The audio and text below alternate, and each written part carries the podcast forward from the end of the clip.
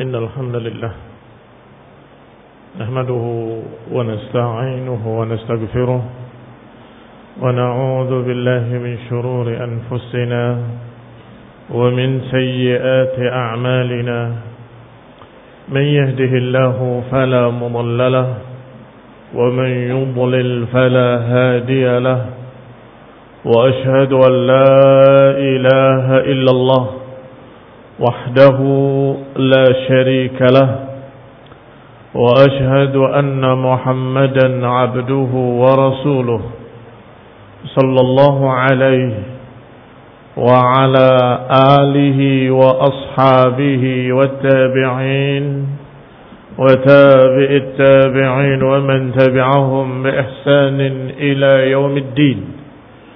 يا أيها الذين آمنوا اتقوا الله حق تقاته ولا تموتن إلا وأنتم مسلمون. يا أيها الناس اتقوا ربكم الذي خلقكم من نفس واحدة وخلق منها زوجها وبث منهما رجالا كثيرا ونساء واتقوا الله الذي تساءلون به والأرحام. إن الله كان عليكم رقيبا. يا أيها الذين آمنوا اتقوا الله وقولوا قولا سديدا. يصلح لكم أعمالكم ويغفر لكم ذنوبكم. ومن يطع الله ورسوله فقد فاز فوزا عظيما. أما بعد فإن خير الحديث كتاب الله وخير الهدي هدي محمد صلى الله عليه وعلى آله وسلم وشر الأمور محدثاتها فإن كل محدثة بدعة وكل بدعة ضلالة وكل ضلالة في النار. Ikhwani fi din, a'azzakumullah, kaum muslimin rahimani wa rahimakumullah. Kita sampai pada ucapan terakhir dari ucapan Imam Abu Ja'far At-Tahawi. Yaitu ucapan kesimpulan dan bara'ah berlepas diri dari yang menyelisihinya. Allah Beliau berkata rahimahullah, "Fahada dinuna wa i'tiqaduna zahiran wa batina." Wa nahnu bara'un ila Allah Ta'ala min kulli man khalafa alladhi dhakarnahu wa bayyannahu Wa nas'alu Allah Ta'ala an yuthabbitana 'ala al-iman wa yaghtim lana bihi wa ya'simuna min al-ahwa'il mukhtalifah Kata Imam Abu Ja'far At-Tahawi rahimahullah di akhir risalahnya beliau berkata inilah agama kami. Inilah akidah kami. Keyakinan kami secara lahir dan batin. Dan kami berlepas diri dari semua yang menyelisihi apa yang sudah kami sebutkan dan sudah kami jelaskan kami meminta pada Allah Subhanahu wa taala agar kami ditetapkan di atas iman dan ditutup dengan keimanan. Artinya meminta khusnul khatimah. Dan semoga kita dilindungi dari hawa nafsu hawa nafsu yang bermacam-macam. Pemahaman-pemahaman yang bermacam-macam. Wal ara al mutafarriqah dan pendapat-pendapat yang berpecah belah. Wal madzahib radi'ah dan madhab-madhab yang jelek yang sesat. Mislal musyabbihah. Seperti mereka yang menyerupakan Allah dengan makhluk. Wal mu'tazilah. Seperti mu'tazilah. Jahmiyah. Jabriyah qadariyah. Dan lain-lainnya. Dari golongan-golongan yang menyelisihi sunnah wal jamaah wa khalafu dalalah dan mengiringi kesesatan wa nahnu minhum bara dan kami dari mereka berlepas diri. Wa hum indana dullalun ardiya. Mereka menurut kami dolal, orang-orang sesat. Ardiya, orang-orang rodi, orang-orang jelek. Wabillahil ismah wa taufiq. Dan Allah lah yang melindungi dan yang memberikan taufik. Ikhwani fidina azakumullah. Imam Abu Ja'far At-Tahawi menutup dengan satu prinsip akidah atau manhaj ahlu sunnah wal jamaah. Yaitu berpegang dengan prinsip-prinsip sunnah dan berlepas diri dari yang menyelisihinya. Bara'un mimma yukhalifu. Berlepas diri dari semua aliran-aliran pemahaman-pemahaman yang menyimpang. Sudah dijelaskan makna Mu'tazilah. Wahum musyabbihatul af'al. Dan mereka menyerupakan fi'il-fi'il Allah dengan makhluk. Lianahum qasu af'al Allah Ta'ala ala af'ali ibadih. Karena mereka mengkiaskan perbuatan-perbuatan Allah dengan perbuatan-perbuatan makhluk. Padahal tidak mungkin mengkiaskan dua yang berbeda. Allah Al-Khaliq sedangkan selain yang makhluk. Bagaimana mungkin dikiaskan yang khaliq dengan yang makhluk? Yang menciptakan dengan yang diciptakan? Tentunya tidak mungkin sama. Maka kias itu kias batil yang mengkiaskan af'alullah taala dengan af'ali ibadih. Wa ja'alu ma yuhsin min al-ibadi yuhsin minhu. Atau yang yahsun li ibadihi yahsun minhu. Karena kias karena analogi maka mereka berkata masih Mu'tazilah dan sejenisnya ashabul ara ashabul ra'i ahli filsafat ahli kalam Kata mereka dengan analoginya, kalau yahsun minal ibad, kalau dari hamba bagus, maka dari Allah juga bagus. Tidak mesti demikian. Buktinya sombong. Bagi makhluk tidak bagus. Bagi Allah pantas. Karena Allah maha besar. Allah maha terpuji, maha tinggi. Maka kesombongan adalah pakaian Allah subhanahu wa ta'ala. Maka jangan disamakan dengan makhluk. Wa ma yaqbah min al-ibad yaqbah minhu. Mereka menganggap apa yang jelek bagi makhluk jelek pula bagi Allah. Wa qalu mereka juga berkata, yajib alaihi an yaf'al kada. Wa la yajuzu lahu an yaf'al kada. Mesti bagi Allah harus begini. Dan tidak boleh bagi Allah begitu. Apa yang namanya? Kias. Bukankah, bukankah pada makhluk bagus, maka Allah harusnya begini. Bukankah bagi Allah jelek, ah, bagi makhluk jelek, maka Allah harusnya begini. Siapa yang mengharuskan? Dari mana kamu tahu? Bimuqtada dalikal qiyas al-fasid. Apa alasannya? Hanya analogi yang rusak. Hanya kias-kias yang rusak. Kias yang batil. Karena yang namanya kias itu ada syurutnya, ada syarat-syaratnya. Ada al-maqis, ada al-maqis alaih dan ada wajhus syabah. Wajhus syabah inilah yang tidak ada. Yaitu kemiripan, kesamaan antara Allah dengan makhluk. Allah katakan dengan tegas, "Laisa kamitslihi syai'un wa huwa samiul basir." Allah tidak serupa dengan sesuatu apa pun. Berarti mengenali Allah dengan analogi tidak bisa. Karena Allah tidak bisa diserupakan dengan apa pun. Semua kaidah kalian, semua hukum-hukum kalian, semua yang kalian simpulkan dari kaidah-kaidah ilmiah, katanya itu semua tentang makhluk. Itu semua tentang makhluk karena kalian tidak tahu Allah dan panca indera kalian gak akan bisa mengetahui tentang Allah dan sifat-sifatnya kecuali dengan sumber yang pasti yaitu dari Allah sendiri atau melalui lisan rasulnya sallallahu alaihi wa ala alihi wasallam. Ikhwani fi din, a'azzakumullah, kaum muslimin rahimani wa rahimakumullah. Mereka punya teori-teori yang namanya benda itu menempati ruang dan mempunyai masa, katanya. Mereka punya teori yang namanya benda pasti begini, begini, begini, begini. Kemudian diukur. Allah menempati tempat di atas atas. Tidak mungkin. Kenapa? Karena nanti sama dengan makhluk.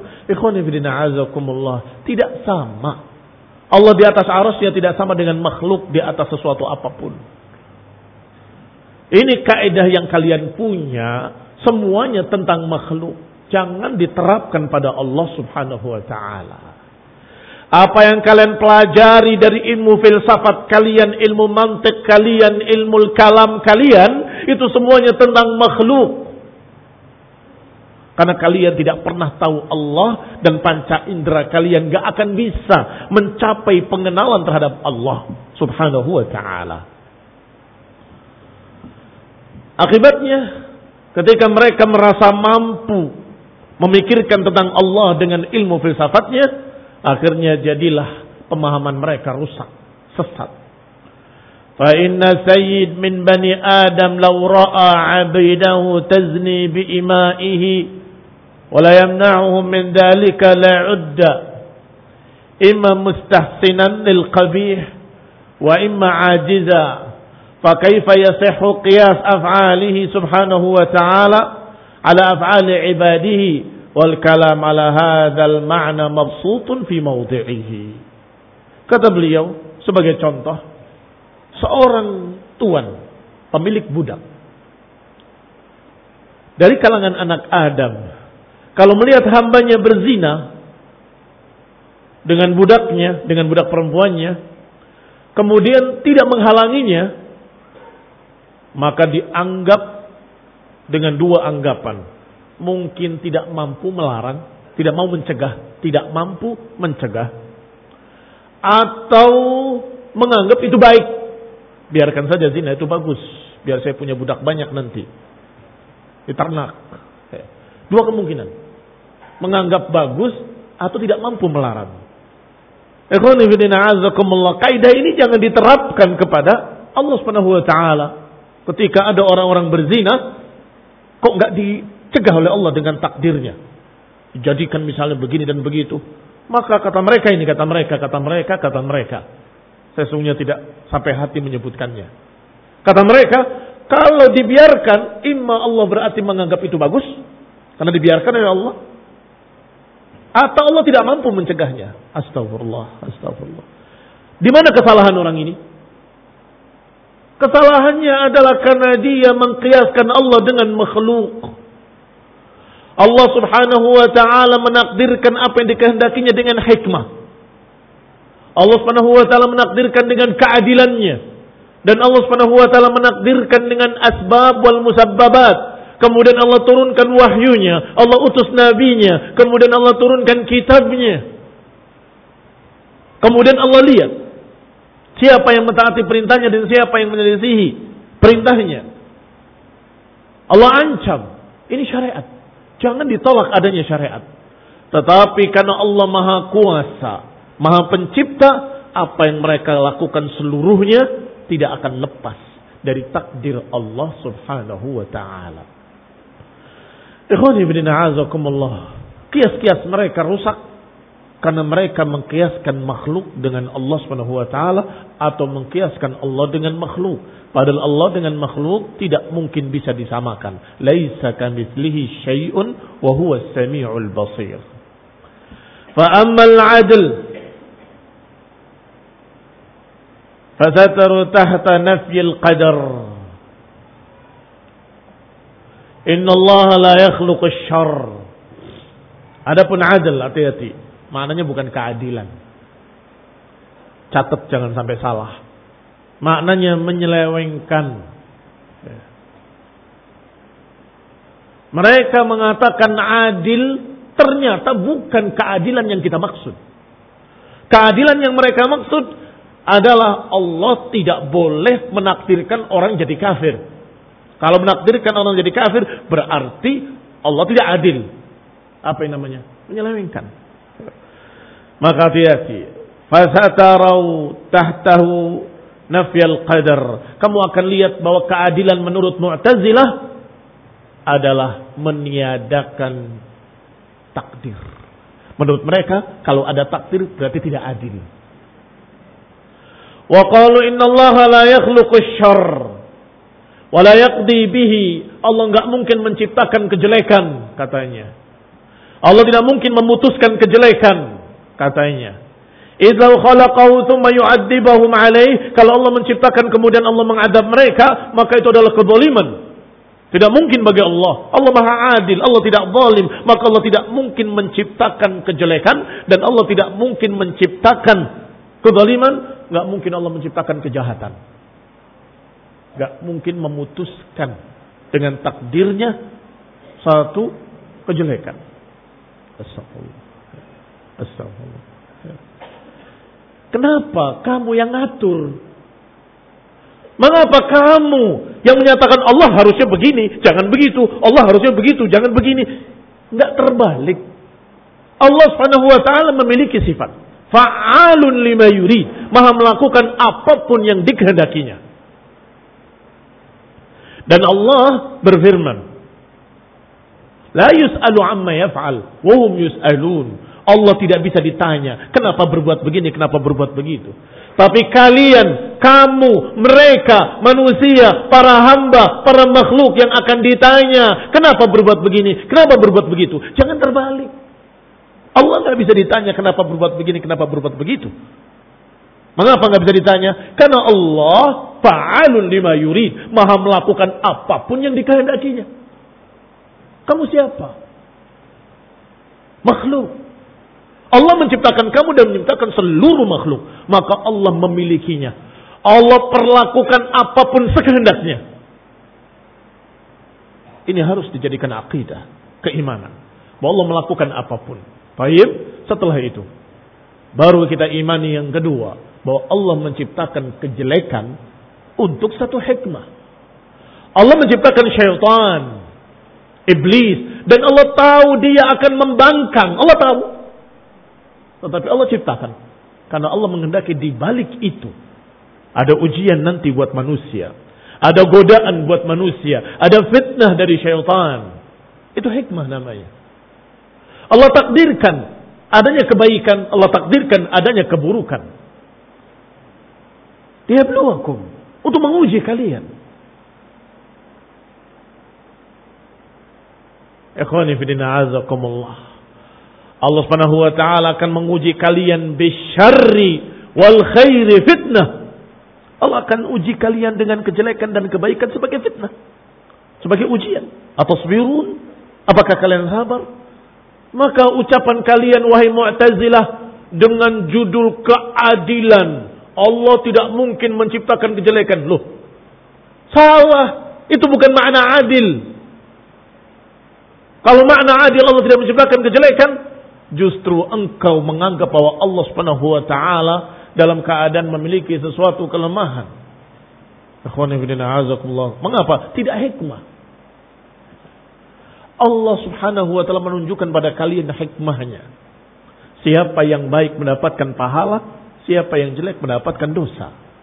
Dan Allah berikan pada kalian ikhtiar. Allah berikan pada kalian hak pilih. Wahadainahun najdain. Kami berikan pada kalian dua jalan. Silahkan. Kalian pilih yang mana. Sebagian memilih jalan yang benar. Sebagian memilih jalan yang salah. Yang memiliki jalan yang benar Allah berikan kebaikan padanya, yang memiliki jalan yang salah Allah adab mereka. Itu keadilan Allah Subhanahu wa taala. Tetapi karena kekuasaan Allah, Allah katakan, "Wa ma tasyauna illa an Allah." Tidaklah kalian berkehendak kecuali dengan kehendak Allah. Tidaklah kalian berkeinginan kecuali dengan keinginan Allah. Artinya kalian gak akan bisa lepas dari takdir Allah. Sehingga di samping usaha hendaklah berdoa.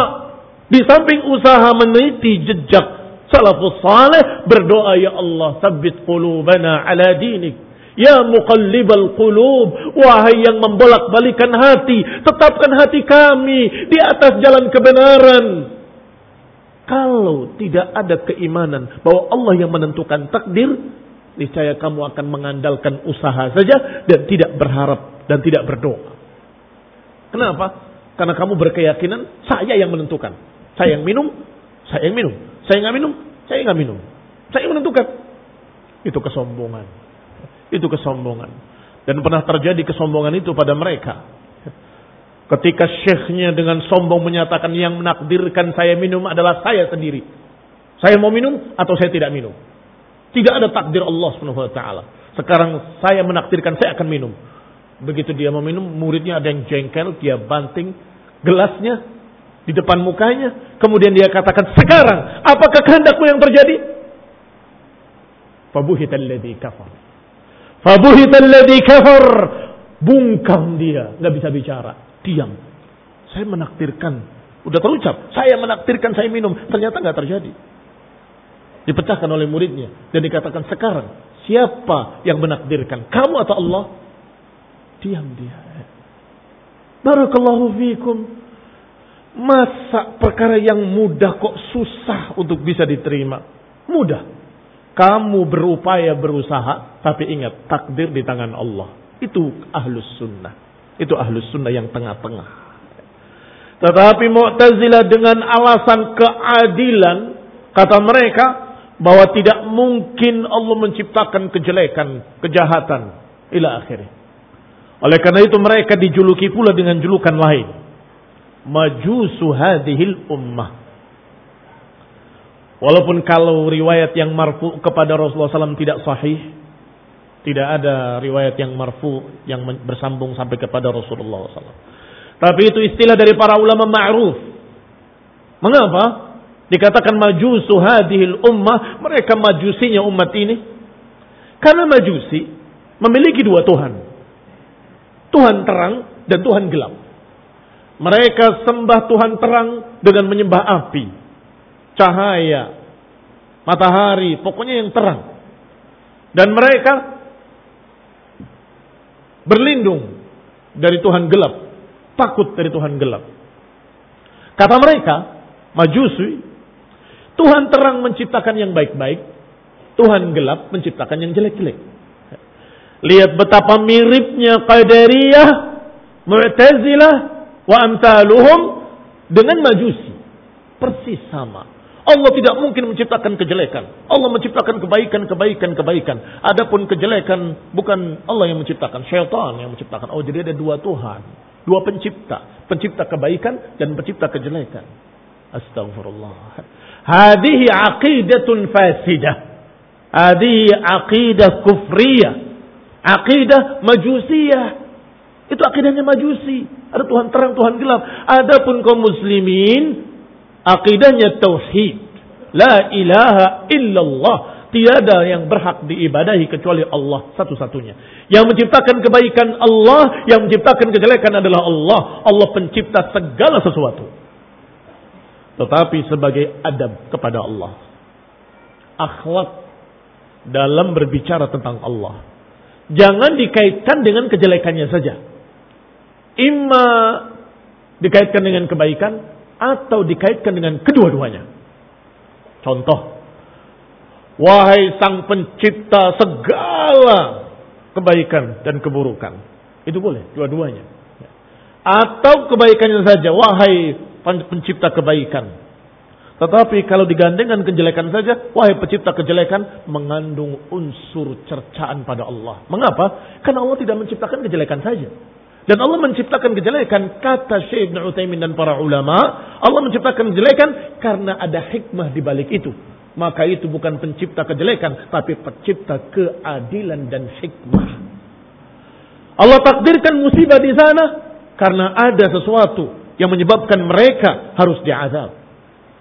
Wa ma Allah Tidaklah Allah Subhanahu wa taala liyu'adzibahum wa anta fihim. Kata Allah, Allah nggak mungkin mengadab mereka kalau engkau ada di tengah-tengah mereka. Wa makana Allahu mu'adzibahum wa hum yastaghfirun. Allah nggak mungkin mengadab mereka kalau mereka masih beristighfar. Artinya masih ada orang-orang yang tidak layak untuk diazab. Ikhwani fidina azakumullah muslimin rahimani wa rahimakumullah. Berarti Allah menciptakan kejelekan-kejelekan karena ada satu hikmah di balik itu. Maka harusnya hikmah yang kamu sebut. Wahai yang maha hikmah. Wahai yang menciptakan segala sesuatu dengan keadilannya. Ini adab kepada Allah Subhanahu wa taala. Kembali kepada kitab. Sila yang ketiga dari prinsip-prinsip Mu'tazilah yang lima adalah tauhid. Apa yang dimaksud dengan tauhid? Hati-hati. Tauhid yang mereka maksud bukan tauhid yang kita maksud. Tauhid yang mereka maksud fatarau tahtahu alqau bil khalqil Quran. Kata mereka yang namanya tauhid mengesahkan Allah Subhanahu wa taala yaitu bahwa Allah Subhanahu wa taala tidak berbicara tetapi menciptakan pembicaraan. Maka Al-Qur'an itu adalah makhluk. Idlau kana ghaira makhluk lalazima ta'addudil qudama. Kata mereka, kalau saja Quran itu bukan makhluk, berarti ada berbilang sesuatu yang kudama. Kudama itu jamak qadim. Ya. Kembali pada istilah beliau. Istilah beliau yang salah rahimahullah wa ghafarallahu lahu. Iya kan? Allah bersifat qadim menurut mereka, menurut beliau. Maksudnya beliau adalah al-awwal yang sudah ada sebelumnya azalian, nggak ada awalnya. Wa abadiyan. Berarti ada selain Allah yang azali, yang awal yaitu Quran katanya. Ini kebodohan mereka. Karena memisahkan Quran dengan dat Allah Subhanahu wa taala. Padahal Quran itu ucapan Allah Subhanahu wa taala, sedangkan ucapan itu termasuk dat Allah Subhanahu wa taala. Kita tidak bicara kertas, kita tidak bicara tinta. Kita bicara yang ditulis dan yang dicetak itu adalah ucapan Allah Subhanahu wa taala. Itu bukan makhluk. Allah berbicara dan Allah tidak menciptakan pembicaraan. Artinya bukan menciptakan pembicaraan. ويلزمهم على هذا القول الفاسد أن علمه وقدرته وسائر صفاته مخلوقة أو التناقض tentunya konsekuensinya ucapan yang rusak ini berarti konsekuensinya menganggap amalan Allah kekuasaan Allah dan semua sifat-sifat Allah berarti makhluk juga karena semua yang disandarkan pada Allah dikatakan makhluk kalamullah. Kalamnya makhluk. Kalau kudratullah, berarti kudrahnya makhluk juga. Apa lagi? Izzatullah, izzahnya makhluk juga. Itu konsekuensi yang salah. Gak mesti yang diidofahkan kepada Allah berarti makhluk. Ada idafatut tamlik, penyandaran kepemilikan. Ada idafatus sifah. Bisa Idafatu sifat dalam bahasa Arab. Izzatullah itu menyandarkan sifat izzah bagi Allah. Kalamullah menyandarkan sifat kalam bagi Allah. Apalagi? Berbeda dengan kalimat ardullah, bumi Allah. Itu idafatut tamlik, disandarkan dengan makna kepemilikan. Buminya Allah. Sama Allah, langitnya Allah. Ila akhirnya. Ada pula idafatut takrim, penyandaran pemuliaan. Seperti Baitullah. Kalau kepemilikan semua buyut Baitullah. Tapi kenapa Baitullah hanya masjid?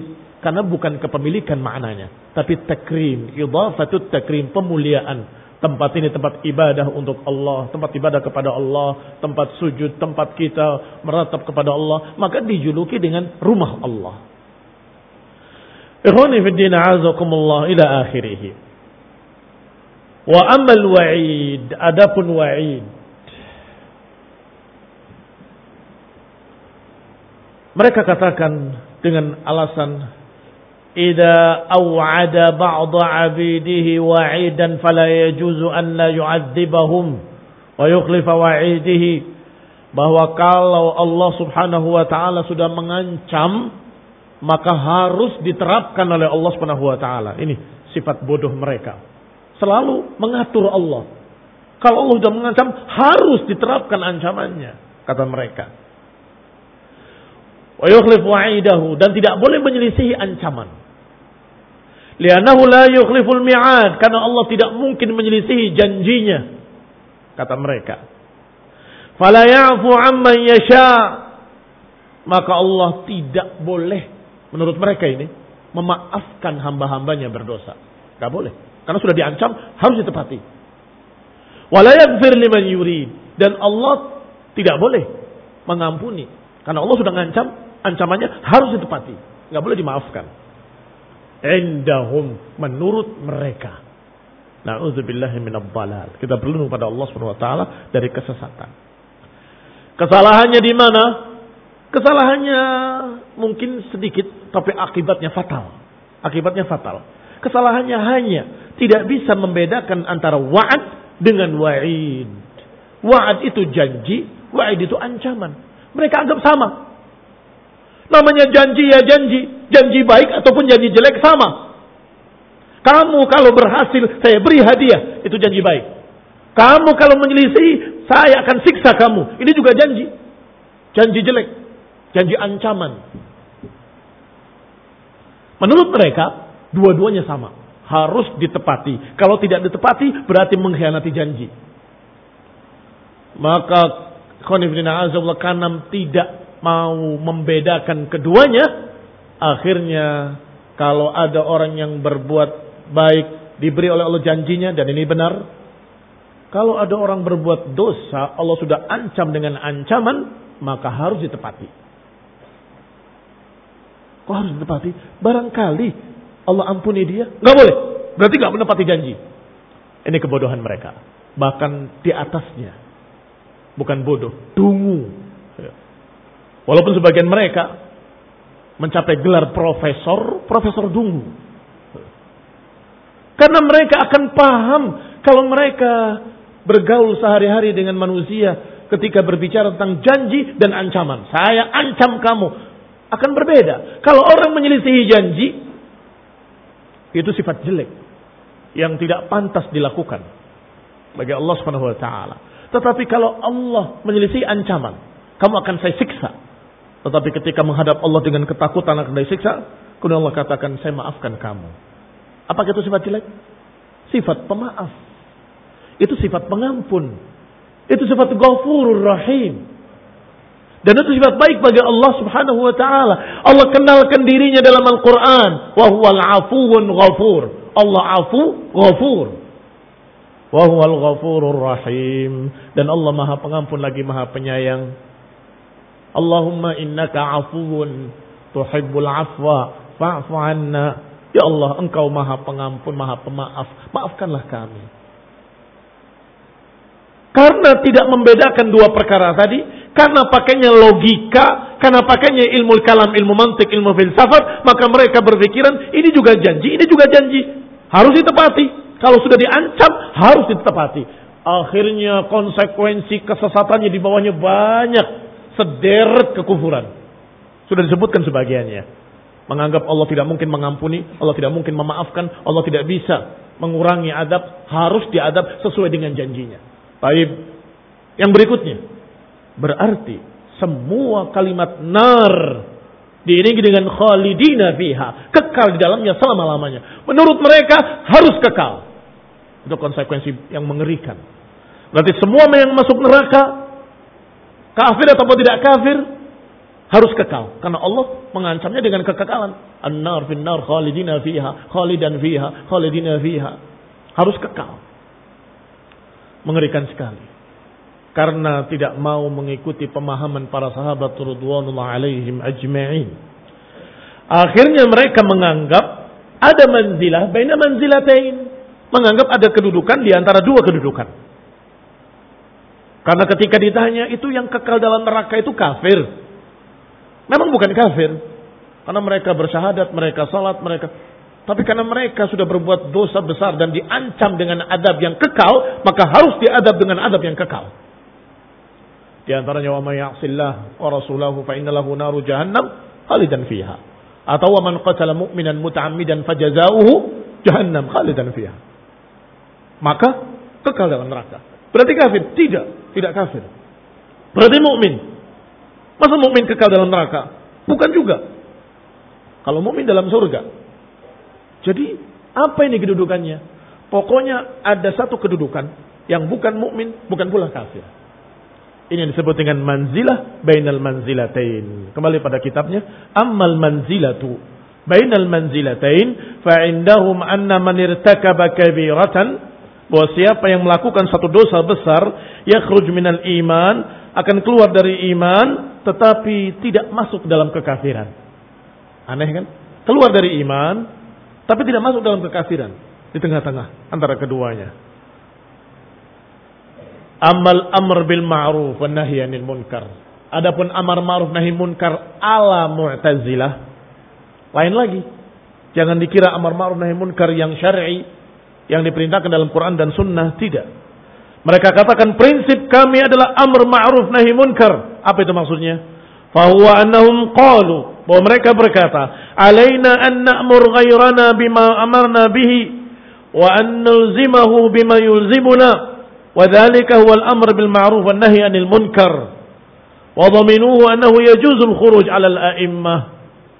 Katanya, atas kami untuk memerintahkan selain kami dengan apa yang kita diperintah. Dan kita haruskan orang lain seperti apa yang kita haruskan terhadap diri kita. Dan kemudian terkandung di dalamnya bolehnya khuruj. Tadi kan sudah kalimat nulzim maksa. Sekarang khuruj, bolehnya khuruj memberontak kepada penguasa, melawan penguasa ketika penguasa berbuat kemunkaran Bil qital dengan peperangan idja jaru kalau mereka berbuat zalim. Wa qad taqaddama jawab hadha syubal khams fi mawadhi'iha dan sudah lewat pembahasan terhadap lima prinsip Mu'tazilah ini dan bantahan-bantahannya walhamdulillah rabbil alamin. نكتفي بهذا القدر بارك الله فيكم سبحانك وبحمدك أشهد أن لا إله إلا أنت أستغفرك وأتوب إليك والسلام عليكم ورحمة الله وبركاته